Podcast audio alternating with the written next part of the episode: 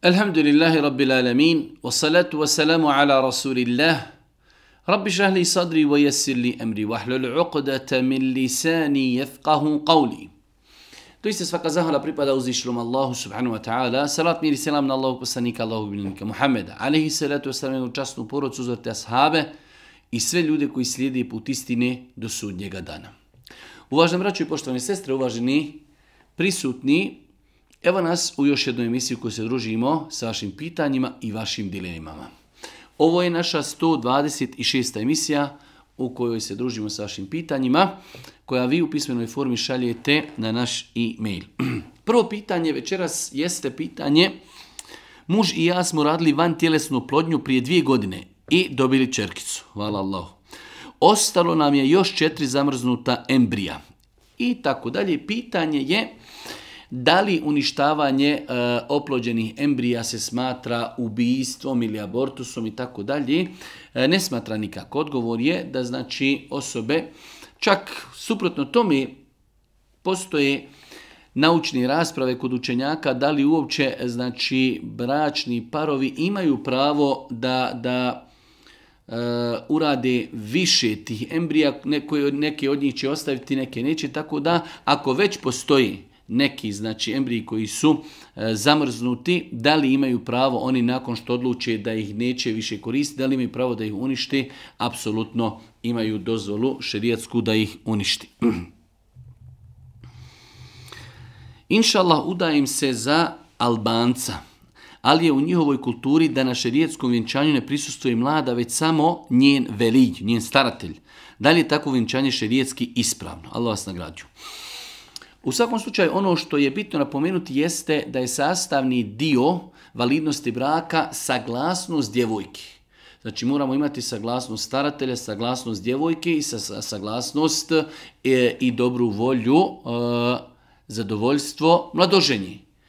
Sada, da li moraju svi prisustovati, kažu islamski učenjaci, da je dovoljno e, da na vjenčanju prisustuje otac, koji će iznijeti svoj stav i stav svoje čeri koju on zastupa da kaže e, šta ja znam osobi koja e, vodi vjenčanje da kaže ja svoju čerku tu i tu udajem za tog i tog i te, da li ti prihvataš tu njegovu čerku da tako da nije uvjet nije uvjet ako se zna i ako njen staratelj zna da je ona saglasna mi govorimo samo da li je obavezno da prisustuje. Ja lično sam stava da je lijepo da žena prisustuje, ali ako u nekom narodu postoji običaj da žena i ne prisustuje, to nije obavezno ako ona je saglasna sa tim brakom. Ako ona kaže da, ja želim da se udam za tog i tog momka, ali jednostavno, eto, ne prisustuje, e, njenu saglasnost će prenijeti njen staratelj, ako Bog da, e, tako, takvo sklopljen brak je, ako Bog da, inšala, ispravan. Ako na džumi ne spojim namaz, jer sam putnik, e, kako se ponašati u pogledu i kindije i tako dalje. Generalno, e, osoba koja je putnik i klanja džumu namaz, ja sam stava da ne treba spajati i kindiju sa džumom. Znači, džuma je u islamu zaseban namaz e, i ne može se spajati i kindija sa džumom. Dio učenjaka je to dozvolio, ja lično ne smatram da je e, ispravno spajati ikindiju sa džumom. U tom danu u kojem čovjek klanja džumu, on će sačekati nastupanje ikindije, pa će ikindiju klanjati kada nastupi ikindijsko vrijeme.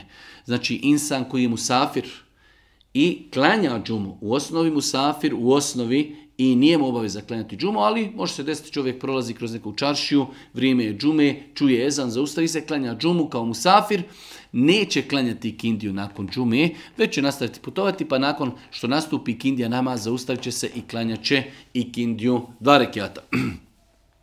Četvrto pitanje, imam jedno pitanje ovako, kada se dijete osunneti, da li se pravi mevlud za e, sunne djeteta, neki govore se pravi, neki govore se ne pravi tako dalje.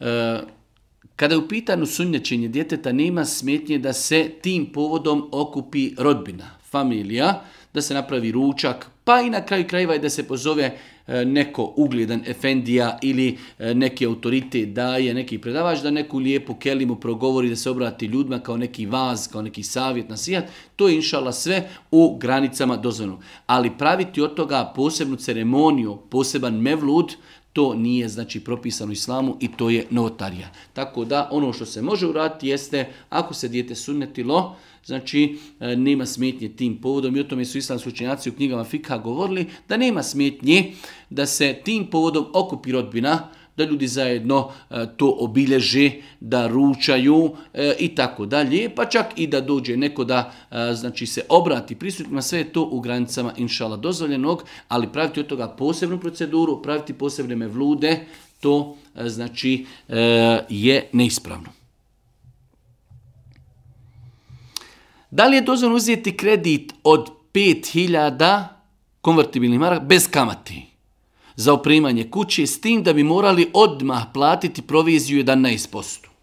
Da li je dozvoljeno uzeti beskamatni kredit za opremanje kuće s tim da bi mi odmah morali platiti proviziju 11%. Ovih 11% nije ništa drugo do kamata.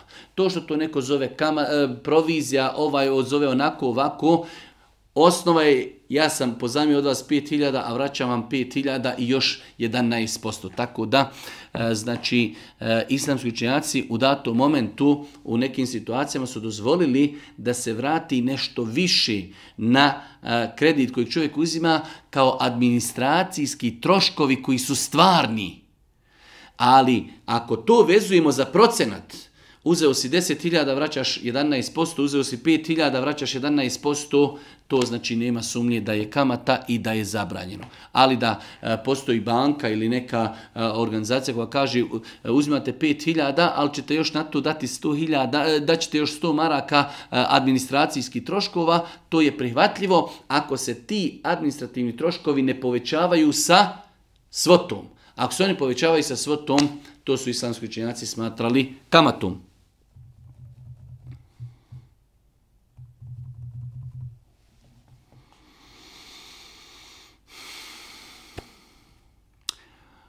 Interesuje me ako neku osobu par puta vidim na istom mjestu gdje i ja izlazim, s obzirom da ta osoba e, nju, e, s obzirom da ta osoba nije tu prije izlaza. Da li to znači da je ta osoba meni suđena? Pitanje.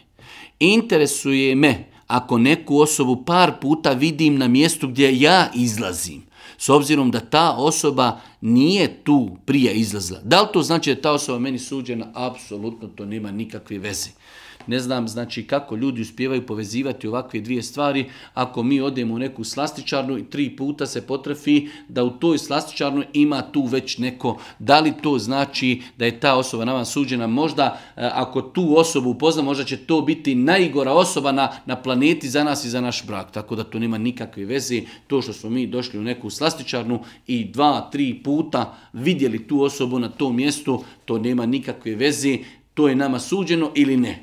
Znači jednostavno to je neka koincidencija, ništa više. Mama je otišla kod neke žene kojoj daš datum rođenja i još neke informacije i ona ti kaže kako će ti biti budućnost. Ona gleda na osnovu astrologije. Žena, žena valjda e, gleda karte i govori o budućnosti. Zanima me da li je to haram. Apsolutno da. Svi oni koji traže datume, svi oni koji tvrde da znaju budućnost, svi oni koji gledaju karte, sve je to u islamu strogo zabranjeno. Ne zna šta će se desiti naredne minute, narednog sata, narednog dana, naredne godine, niko osim Allah. Nemojte sebi dozvoliti da neko pravi od vas budale da vam uzima pare na način da vam proriče budućnost. Budućnost ne zna niko osim Allah. Tako da bilo ko, ko vam kaže daj ime, daj prizme, daj datum rođenja, e, karte, ovo ono, sve je to strogo haram i ići i vjerovati u ono što kažu.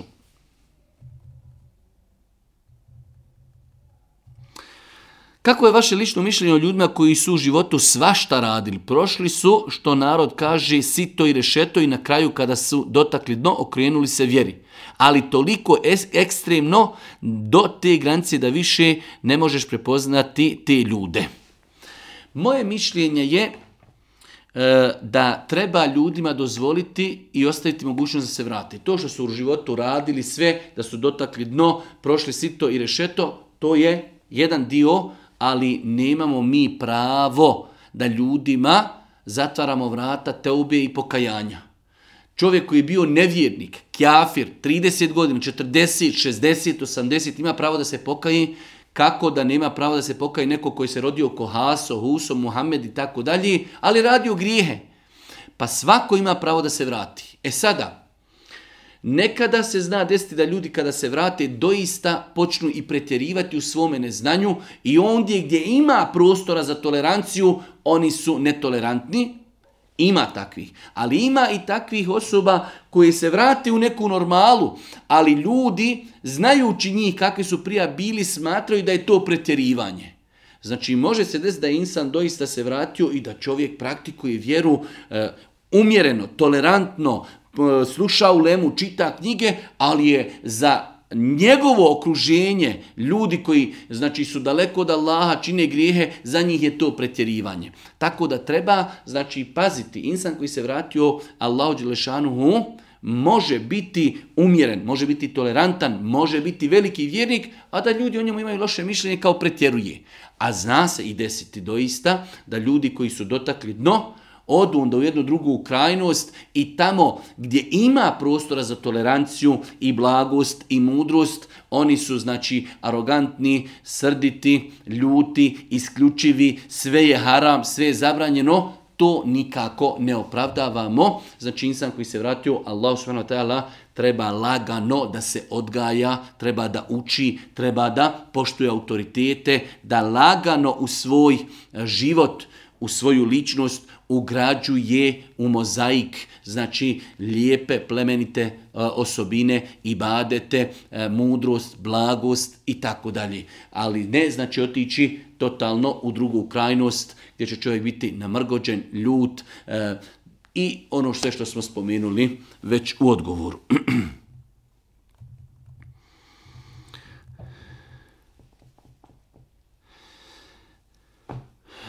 Zašto?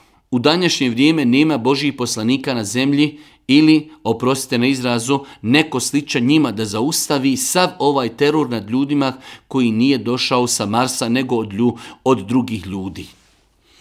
Zašto danas više nema poslanika? Allah Đelšanu je taj koji je stvorio ljude i on je taj koji zna šta ljudima treba. On je taj koji je učinio da je Muhammed a.s.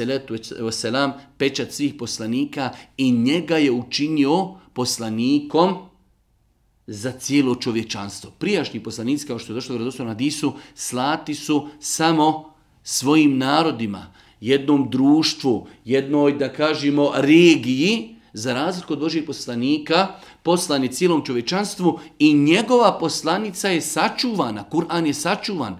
Možemo slobodno kazati da nema potrebe za novim poslanikom, mi imamo Kur'an, imamo sunnet Božijeg poslanika, samo treba da upraktikujemo ono što, što je već objavljeno, što je ostalo, E sada u svemu tome imamo još jednu olakšicu da je Allah poslanik kazao da će uzvišeni Allah svaku stotinu godina slati nekoga, takozvani munđedidi, ljudi koji će znači obnavljati obnavljati vjeru, sada je to jedno sad veliko, široko pitanje oko tih obnovitelja vjeri, e, ali generalno, znači opet je to Allahov rahmet i milost da će se pojavljivati oko svake stotine godine, znači e, čovjek ili više učenjaka u različitim znanostima koji će ljude vraćati vidno vraćati, znači vraćati njihovom gospodaru, tako da e, Allah Đelšanu je taj koji je odredio da je Mohamed Ali Selam posljednji poslanik,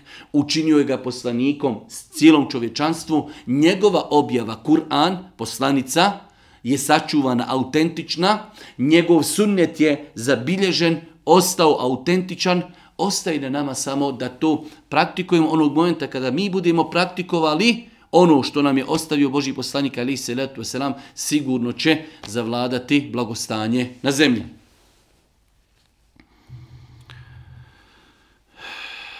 Ima li na u koji se kaže da često učenje sure El štiti od siromaštva? I ako se svaki dan uči sura Mulk, da li će, da li će ta sura biti zaštitnik insano od kaburskog azaba? Kada u pitanju hadis koji govori o tome da učenje sure El štiti čovjeka od e, siromaštva, taj hadis nije vjerodostojan. Taj hadis nije vjerodostojan. Kada u pitanju vrijednost sure mulk, e, da će ona čuvati i štiti inšala insana od kaburskog patnja, inšala imaju o tome vjerodostojan hadis, tako da je lijepo i pohvalno čovjek znači u toku dana i pred spavanje uči suru e, El Mulk, nadajući se ovoj nagradi, a kada u pitanju sura al znači hadis o tome nije vjerodostojan. O kakvoj se nagradi radi kada insan poslije svakog farza ziki po deset puta subhanallah ilhamdulillah Allahu ekver i tako pet puta poslije svakog farz damaza. I ako naveće legnije i prije nego što zaspi da prouči po 33 puta subhanallah ilhamdulillah Allahu ekver. Imamo vjerodostojan hadis u kojem Allah poslanika ali se ratu sam kaže e, dva svojstva ili dva postupka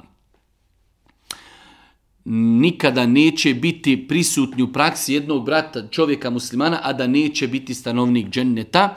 Oni su, kaže, lagani ta dva postupka, ali je malo oni koji radi po tome. Pa je Boži poslanik to pojasnio i kazao, e, reći subhanallah poslije svakog namaza deset puta, Allahu ekber deset puta i znači subhanallah, e, Allahu ekber i alhamdulillah. Boži poslanik preporučuje dva dijela koja čovjek ako bude radio, ako Bog da biće od stanovnika dženneta, da nakon svakog namaza po deset puta kaže subhanallah, Allahu ekber, elhamdulillah. Po deset puta. Pa kaže Allah, odnosno prenosio, kaže, pa sam vidio Božih poslanika kako taj zikr broji, broji znači eh, na prste desne ruke. Fedhalike hamsune wa mi'e. To je 150, imamo za jedan namaz 30, puta pet namaza 150. Kaže Allah poslanik, to je 150 izgovorenih zikrova e, u toku dana, a pošto je svako dobro djelo desetrostruko, kaže, to je kod Allaha hiljedu i po dobrih dijela na vagi. Kada legne i kaže čovjek spavati, pa kaže subhanallah, alhamdulillah, Allahu akver stotinu puta, to je sto dobrih dijela na jeziku, ali je to puta deset, hiljedu dobri dijela na vagi na sudnjem danu, pa kaže Allah poslanik, znači imamo vamo hiljadu i po, imamo ovdje hiljadu, ko od vas u toku dana može uraditi hiljadu i po loših dijela? Tako da, kao upitno, zar je moguće da neko od vas u toku dana, ako radi ove zikrove, imat će dvije i po hiljade dobrih dijela svaki dan, zar je moguće da neko od vas uradi dvije i po hiljade loših e, dijela i postupaka, pa da prevagnu njegova dobra djela. Ovaj hadis je inšala vjerodostojan. 12. pitanje, da li je potrebno klanjati podne poslije džuma namaza? Nije potrebno klanjati podnije poslije džuma namaza, e, znači e, petkom muslimani klanjaju džumu.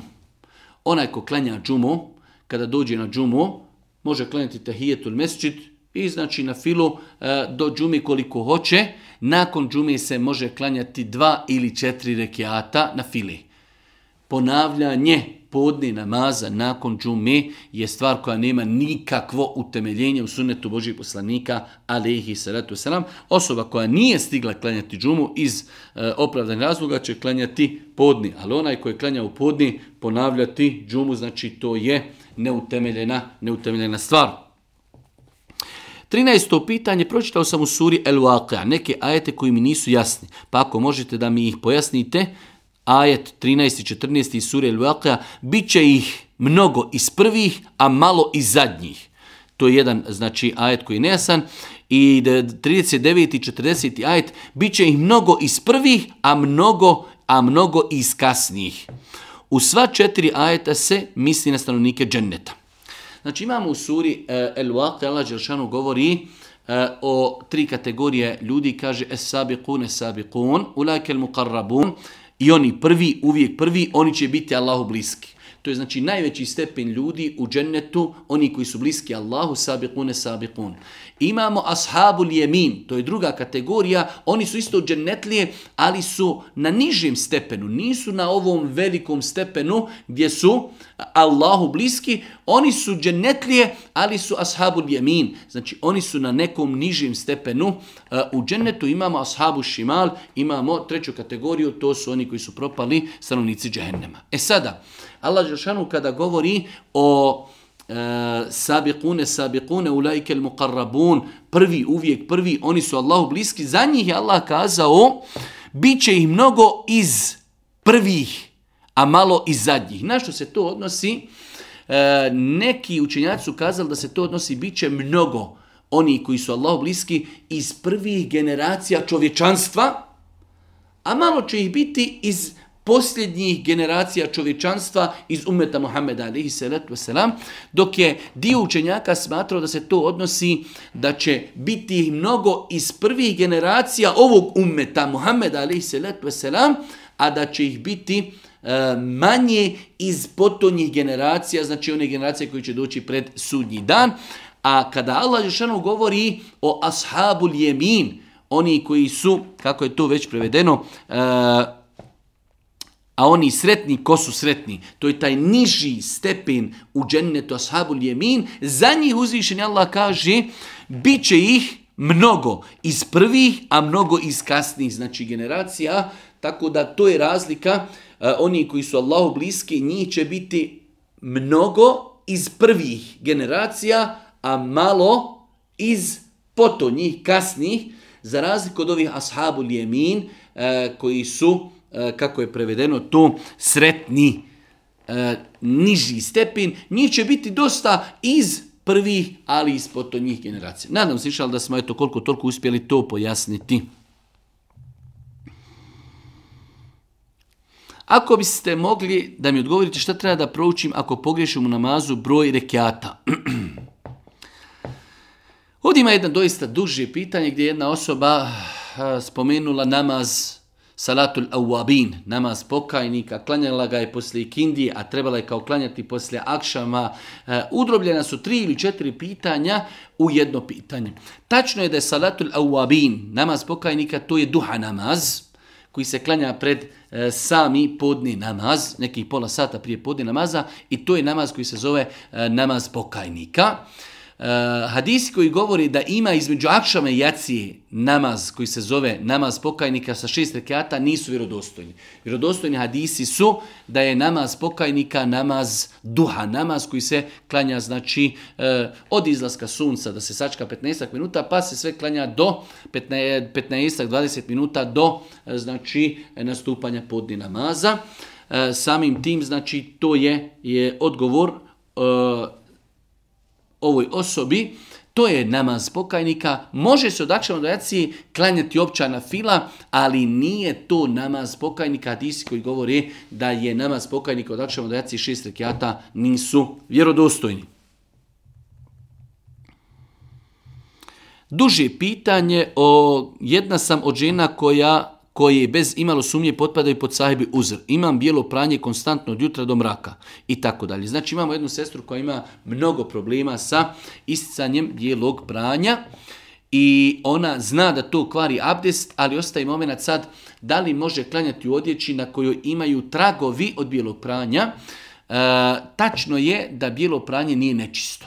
Znači bijelo pranje onog momenta kada izađe iz spolnog organa. Sve dok je unutar ljudskog tijela ono ne kvari abdest, ali onog momenta kada izađe iz ljudskog tijela, e, kada postane vidno, jasno, ono kvari abdest, ali nije nečisto. Što znači, žena koja ima problema sa bijelim pranjem, pogotovo kao što kaže ova sestra da ona sajba uzr, ima 24 sata problema sa tim, ona će čekati nastupanje namaskog vremena, lijepo će se očistiti, zaštititi higijenskim uloškom, abdestiti i klanjati isticanje u ovakvoj situaciji kvari abdest zato što je to sahibu uzr, a s druge strane i ako to vidi na vešu, e, nije to nečisto. Znači i u ovom slučaju i u bilo kojem drugom slučaju bijelo pranje, ako Bog da nije nečisto, ali kvari abdest.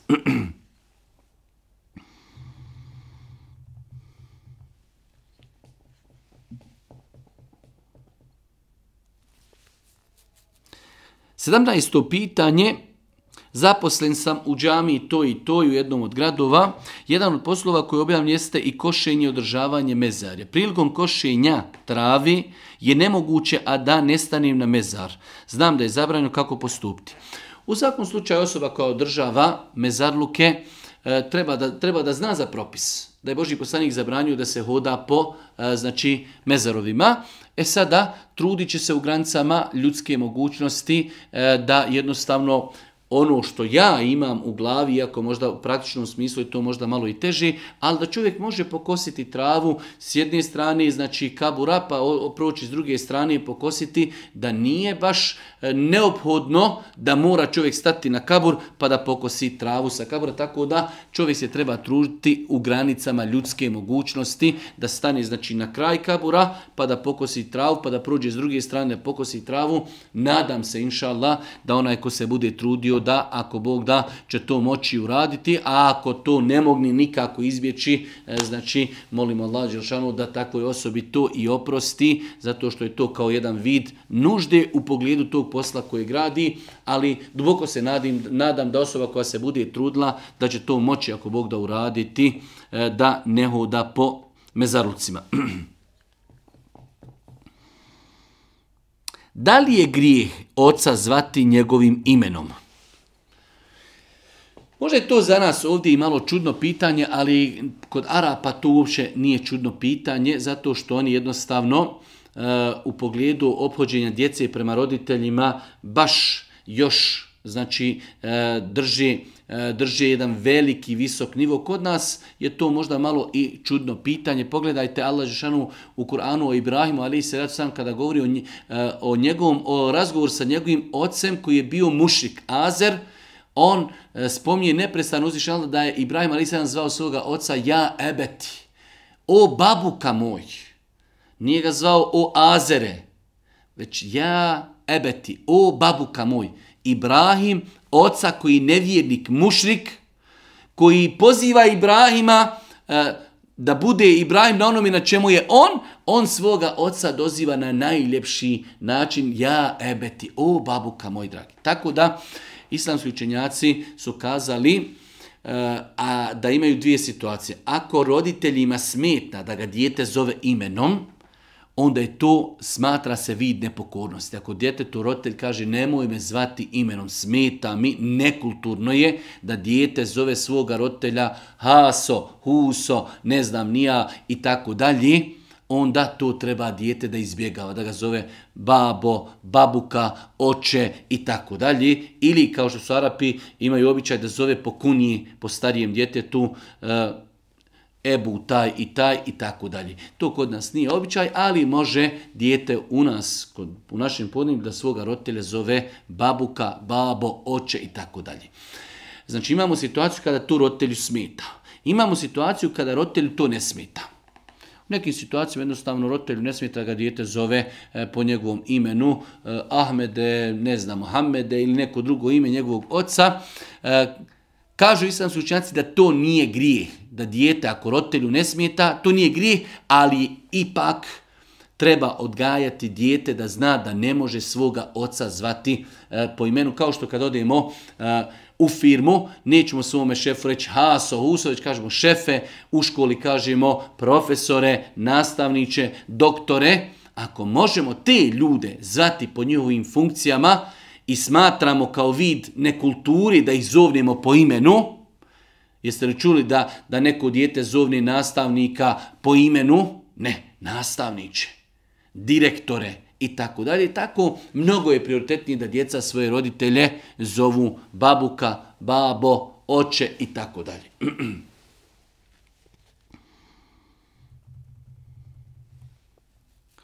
Da li je dozvoljeno dobiti za nekoga čak i više od sebe samoga? U svakom slučaju, eh, pohvalno i lijepo čovjek kada dovi da počne prvo doviti za sebe. Tako su spomenuli islamski učenjaci i mnogo je dokaza koji to potvrđuje, a nakon toga da dovi za nekog drugog. To je jedna stvar, to je od i treba čovjek bez obzira e, da uvijek svoje postupke u životu pokušava uokviriti ono što je pohvalno i lijepo u određenom pitanju. Znači pohvalno i lijepo da čovjek prvo kada dovi, dovi za sebe. Druga stvar, Islam je učinio da je pohvalno i lijepo da čovjek dovi za nekoga ko je odsutan. Tako da čovjek znači e, treba doviti, ali dovimo prvo za sebe, nakon toga dovimo i za onu osobu za koju želimo da joj tražimo nešto dobro od Dunjalka Hireta. I u takvoj situaciji kada mi dovimo za nekoga e, koje nije tu prisutan, e, znači na naše dove meleki aminaju i govori amin, to što tražiš za njega, ali isto tako i tebi. Znači, do, meleki dovi Allahu da nama podari ono što smo mi tražili od tražili drugim ljudima. Čuo sam da je zabranjeno i grijeh obavljati fiziološku potrebu u pravcu kibli, Je li to tačno ili ne? Postoji vjerodostojni hadisi u kojima Allah poslanik ali se letu selam zabranio obavljanje fiziološke potrebe u pravcu kibli. Zabranjeno je da se čovjek pravcu kible okreće prsima i leđima znači neko kada čini primjer radi fiziološku potrebu, e, znači e, na otvorenom. Imamo dvije kategorije, odnosno dvije vrste pitanja. Na otvorenom. u prirodi se nalazimo, ne smijemo se okrenuti prema kibli, to je zabrajno niti prsima, niti leđima. Već ćemo se okrenuti, znači, e, u ovom slučaju, znači, ili desno ili lijevo. Ili desno ili lijevo. To ako smo u prirodi. Šta znači u prirodi? Nismo unutar određene građevine. Ako smo unutar određene građevine, dio učenjaka je smatrao da tada nije grije da se čovjek prsima ili leđima okrene u pravcu kibli, ali je to definitivno i unutar građevina bolje izbjegavati zbog ovih hadisa. Ima vjerodostojne hadise koje bilježi imam i Buhari Muslim, da je Allah poslanik zabranio nemojte se okretati prsima niti leđima prilikom obavljanja fiziološke potrebe. Tako da, E, ono što je zabranjeno jasno jeste kada to radimo na polju, kada to radimo u prirodi. E, dio učenjaka je smatrao da se taj hadis ne odnosi e, na situaciju kada čovjek obavlja fiziološku potrebu u unutar zgrade, u kući u zgradi i tako dalje, ali i tada je bolji. Pogotovo kad je u pitanju gradnja kuće i gradnja zgrade, najbolje da se odmah e, znači, sa arhitektom dogovori da se toaleti okrenu, znači suprotno, da, da čovjek se ne okreće tokom fiziološke potrebe ni leđima, niti prsima u pravcu kibli, znači da se okrene desno ili lijevo. Da li osoba koja posti post Dauda alaihi salatu wasalam treba da posti dan prije petka ili dan poslije. Znači, mi znamo da imaju uh, preporuke Božih poslanika alaihi salatu da se dan petak ne posti sam. Ali se ovo odnosi na osobu koja posti samo petak. U smislu nije to osoba koja posti post Dauda se salatu selam. Osoba koja posti post Davda selam, ona jedan dan posti, jedan dan ne posti. Tako da će mu jedne sedmice sigurno doći petak, postio je srijedu, pa četvrtak ne posti, pa dolazi petak, pa subot ne posti, pa posti nedjelju, pa ćemo jedne su, jedne, u jednoj sedmici ćemo doći petak sam, a druge sedmice neće. Ali on je u jednom velikom ibadetu kojeg ne može, da kažemo, e, remetiti. On svaki drugi dan posti i na takve osobe se ne odnose e, znači zabrane u kojima stoji da je zabranjeno posti petak sam za sebe, sam za sebe. Da treba posti dan prije ili poslije. To se ne odnosi na ljude koji poste post Davuda alihi salatu wasalam. Imam pitanje vezano za ili namaz prije džumi namaza. Primijetio sam da dosta braće ne klanja sunnete, četiri rekata prije džumi namaza. Kasnije sam istraživao i saznao da nisu propisani ili hadisi o tome nisu vjerodostojni. Ali me interesuje da li mogu klanjati opći sunnet kao što je tehijetul mešćit prije džumi namaza, prije hudbi. Čovjek kada dolazi na džumu, kada uđe u džamiju, bez obzira da li već imam držav hudbi ili ne, propisano klanja dva rekiata etur mesečita. To je ono što znači je ispravno. E sada, ako je čovjek došao ranije, rećemo ako je e, džuma namaz u 1 ili u 12, čovjek je došao u 11. Vrijeme od 11 do 12 je vrijeme u kojem čovjek ima pravo šerijatski da klanja na filu.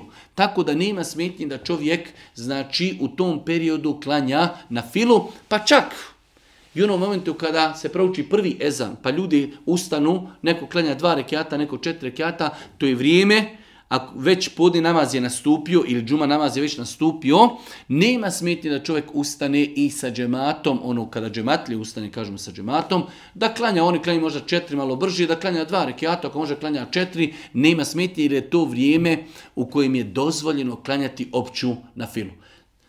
Ponavljamo, e, čovjek koji dolazi na džumu, minimalno što treba da uradi jeste da klanja dva rekiata tihetul da bez obzira da li imam kla, učio, e, klanjao, držao hudbu ili ne. Ali ako je došao čovjek e, ranije, ima pravo da klanja opću na filu sve dok ne počne hudba. Isto tako kad se prouči prvi ezan, pa do drugog ezana, znači nema smetnje da čovjek ustaje, ustane sa džematljama i da klanja dva ili četiri kjata, pošto je to vrijeme u kojem je dozvoljeno klanjati opću na filu, ali neće klanjati s nijetom da su to neki potvrđeni sunneti džume, Ne, to je opća na fila koja se klanja, znači općenito.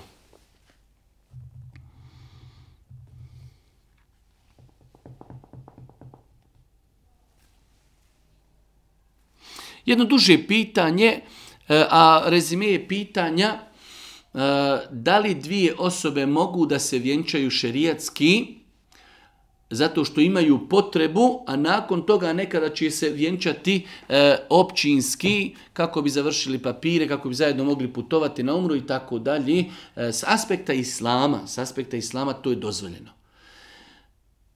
Mi živimo u vremenu kada su postavljeni zakoni da bi se vjenčao šerijetski moraš donijeti papir da si vjenčan općinski e, i to je urađeno kako bi se zaštitila prava supružnika. Ali s aspekta islama to nije uvjet. To je više administrativni, e, znači da kažem administrativna procedura, ali čovjek se može vjenčati šerijatski i da živi u halal braku, a da nakon godinu, dvije, tri se vjenča općinski. Mi ovo govorimo s aspekta islama. Kako će to čovjek uraditi? Hoće li to uraditi? Mi o tome ne govorimo. Kao što mi kažemo s aspekta islama, dozvoljeno ženti četiri žene. U velikom broju država čovjek ne može u isto vrijeme vjenčati više žena od jedni. E sada, mi kažemo to islamu dozvoljeno. Čovjek može imati više žena, jedno je općinski e, vjenčao, ostali, e, kako će sa njima e, riješiti to pitanje sutra ako dobije djecu, to su njegovi problemi. Isto u ovom slučaju.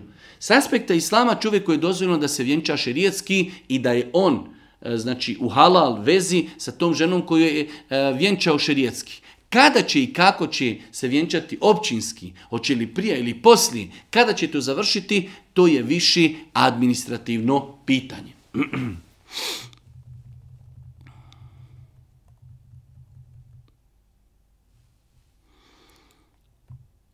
Jedno baš duže pitanje jedne osobe koja ima problema sa vesvesama do te mjeri da kaže e, nekada je prija e, klanjala bez vesvesa, e, tek ta, sada svata kolika je blagoda da čovjek klanja i abdesti bez vesvesa. Pa je pitanje, rezime pitanja je da li osobe koje imaju problema sa vesvesama imaju pravo da ponovi nekada ajet ako su pogriješili ili izgovaranje početnog tekbira i tako dalje. Moj savjet takvim osobama je da nikada ništa ne ponavljaju. Znači, ako se otvaraju ta vrata ponavljanja ajeta, ponavljanja početnog tekbira, ponavljanja namaza, onda se nikada nećemo riješiti tog pitanja. U ovom pitanju čak stoji da osoba kaže ja sam se pomirila sa tim da ću do kraja života živjeti e, sa tim vesvesama. To je greška. Vesvese se mogu riješiti za sedam dana. Samo onog momenta kada čovjek to prereži i kaže neću nikada ništa ponavljati. Čovjek koji je siguran, ali sto posto siguran, kao što kaže islamsko čanje, do time da kaže zaklinjem se Allahom da sam pogriješio. Takva osoba će ponoviti ajet ili ponoviti izgovor nečega. Ali Znam da imam problema, znam da imam vesvese i ponavljam, možda sam izgovorio, možda nisam. Je li postoji na planeti čovjek koji ne zna reći Allahu Ekber, i onda osoba dođe i 10 minuta izgovara riječi Allahu Ekber, ali jesam li izgovorio, nisam li izgovorio. Takvim osobama znači je najbolji savjet, ne smije se ništa ponavljati u namazu. Niti Allahu Ekber, niti ajeti u Fatihi, niki, niti znači ajeti u učenju Kur'ana, niti određeni zikrovi na, na, na seždi ili na ruku, ništa ne ponavljati. Jedino na takav način se može Jedino na takav način se može stati u kraj i to se može veoma brzo i lako iskorijenti samo ako čovjek bude čvrst, dovi Allah Đelšanu da ga učrsti, da mu olakša i da donese sebi odluku neću nikada ništa ponavljati.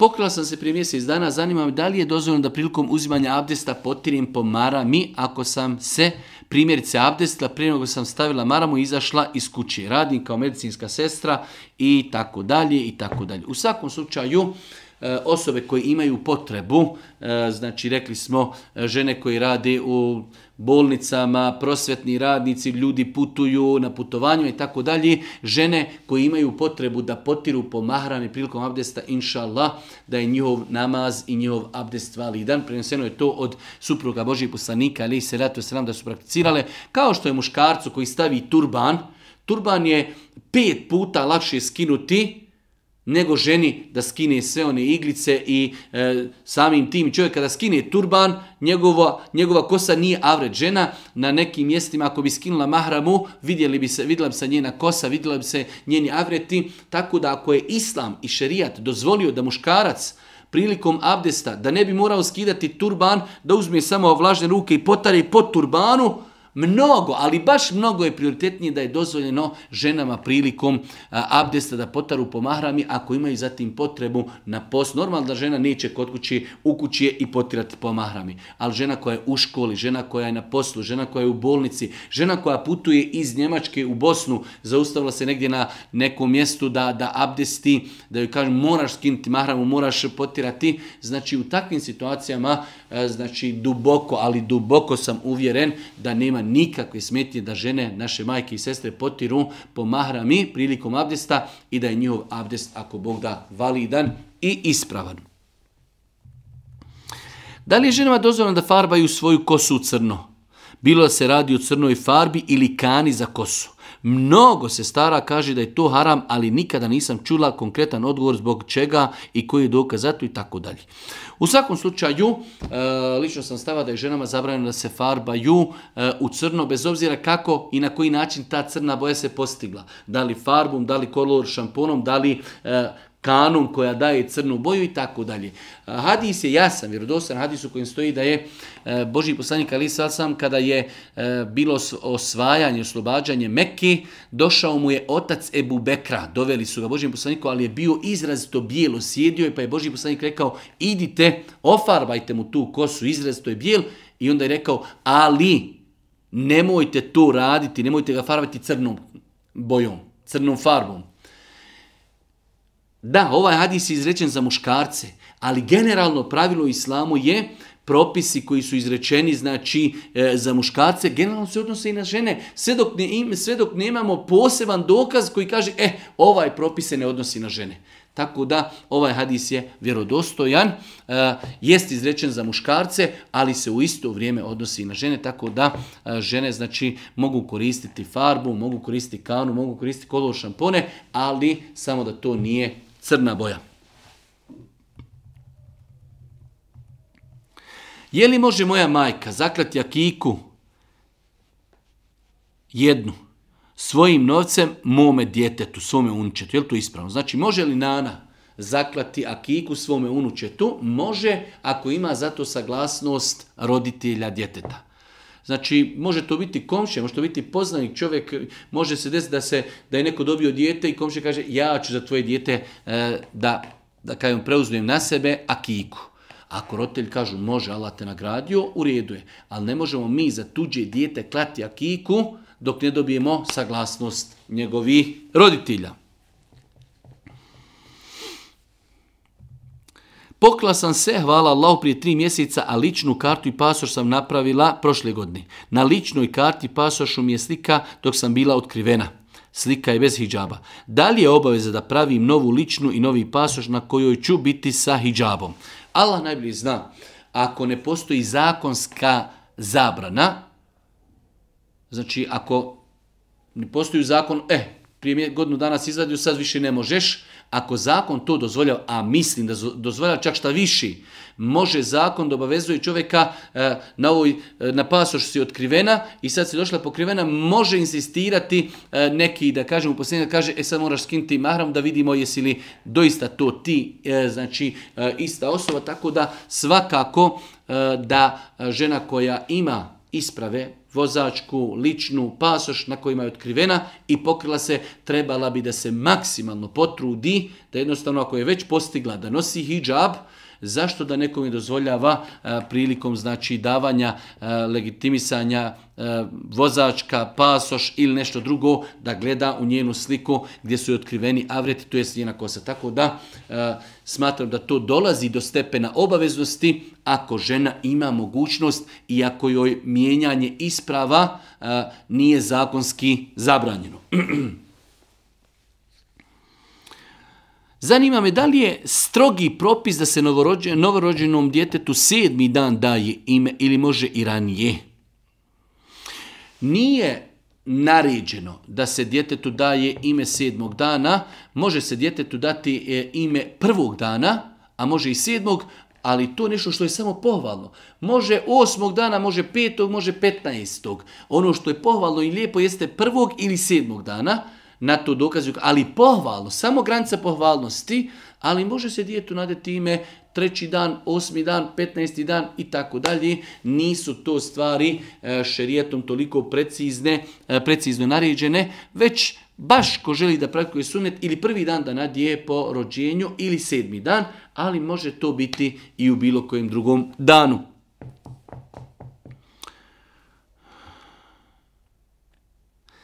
Zanima me ako sabah ne klanja se ujutro, može li se klanjati oko 12?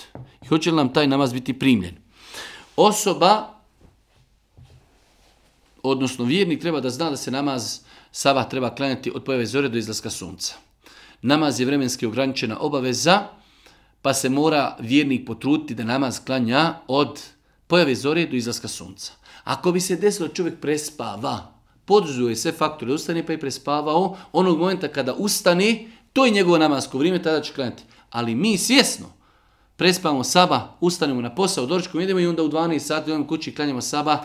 Allah najbolji zna, to čovjek ne treba raditi i od tog namaza nema ništa. Allah najbolji zna, namaz je vremenski ograničena obaveza koju čovjek treba uraditi u periodu kada je naređeno.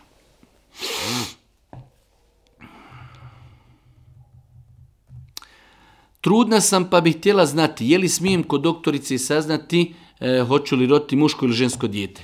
Nema smetnje s aspekta šerijata da čovjek ode na preglede putem koji će se utvrditi da li će žena roditi muško ili žensko dijete. S što čovjek e, tome ne treba vjerovati apsolutno jer se pokazalo u praksi da procentualno veoma često se zna desiti da znači doktor ili doktorica kažu muško i dijete, ono bude žensko ili kažu žensko bude muško i tako dalje. Čak šta više znaju kazati su blizanci pa se rodi jedno ili kažu jedno je ono se rodi blizanci, ali s aspekta šerijata ima višta sporno u tome da e, znači na osnovu pregleda e, koje vrste sad pregleda, manje ili više, da se ustanovi da li će žena roditi muško ili žensko dijete, ne potpada to pod e, gajb, i proricanje gajba, već je to znači analiza, snimak, tako da nema smetnje da znači ljudi obave doktorske preglede na osnovu kojih će pokušati saznati da li će žena roditi muško ili žensko dijete. Imam pitanje u vezi prenošenja tijela iz jednog mjesta u drugo. Moj babo je ukopan u okolini tog i tog draga, grada. A moja braća i ostala rodbina u našem mjestu e, živimo u tom i tom gradu u Bosni. Pa me interesuje da li je u redu da ja i moj brat prenesemo babino tijelo u naše mjesto da bi nam bilo lakše prilikom dolaska u Bosnu da sve mezarove zajedno posjetimo. Allah najbolje zna, osnova je da ljudi se ukopavaju ondje gdje su umrli, da je se ovo desilo odmah, znači nakon što je čovjek umro i kažu želimo da ga još kao mejita odnesemo i da ga ukopamo u neko njihovo, ajde da kažemo, porodično e, e, mezarje, inšala to ne bi bilo toliko problemačno. Ali nakon što tijelo počinje da se raspada, nakon što tijelo možda čak i, i ajde da kažemo, e, djelomično istruhne, e, ne bi trebalo u takvim situacijama da se znači e, prebacuje tijelo samo eto zato da kada mi dođemo da jednim metkom, jednom posjetu možemo posjetiti i oca, a i možda ostali članovi poruci. E, čitao sam rašte fetve islamskih učenjaka, nisu e, ovo smatrali dovoljnim razlogom da se e, znači vrši ekshumacija i da se zbog toga kidaju, lomi znači i kupe dijelovi tijela čovjeka koji je zakopan. Da se to uradilo prije, znači odmah nakon smrti da se čovjek odvuče i da se ukopa u svojem mjestu, to bi, hajde da kažemo, e, bilo mnogo lakše i mnogo tolerantnije, ali nakon što je tijelo ukopano i nakon što je tijelo počelo trunti ili možda već istrunulo, e, to je u takvim situacijama najbolje ne dirati i ne bi bilo daleko da se kaže da je to možda u toj situaciji i haram raditi. Posljednje pitanje, imam jedno pitanje, bio sam postio prvi dan Ramazana, pa nisam mogao izdržati radi duhana. I tako nisam postio e, cijeli Ramazan, samo taj prvi dan. Šta ja sad moram da uradim? Znači čovjek ispostio sve dane Ramazana osim prvi dan, prvog dana Ramazana nije mogao izdržati zbog duhana. Šta u takvom slučaju raditi? Čovjek treba da se pokaje, jer je to e, što je uradio grijeh, nije validan razlog zbog čega je prekinuo post. Čovjek može prekinuti post ako je bolestan, ako je Safir i tako dalje, žena ako dobije mjesečnicu, ali prekinuti post zbog duhana e, je veliki grijeh. Ali čovjek je to uradio, šta sad može uraditi? Možda se pokaje i može nakon namazana da taj dan u kojem nije postio da naposti. To je ono što može da uradi ništa više od toga. Može se pokaje, da čvrsto odluči da to više nikada neće raditi, da moli Allah da mu oprosti i da taj dan naposti, znači u zamjenu za pokvarin dan, da posti jedan drugi dan. Molim Allah subhanahu wa da nas uči na putu istine, da nam podari dobro dunjalka i da nam podari korisno znanje i na kraju subhanaka Allahumma bihamdike, ešhedu in la ilaha ilan stakfiruke, wa etubu oh.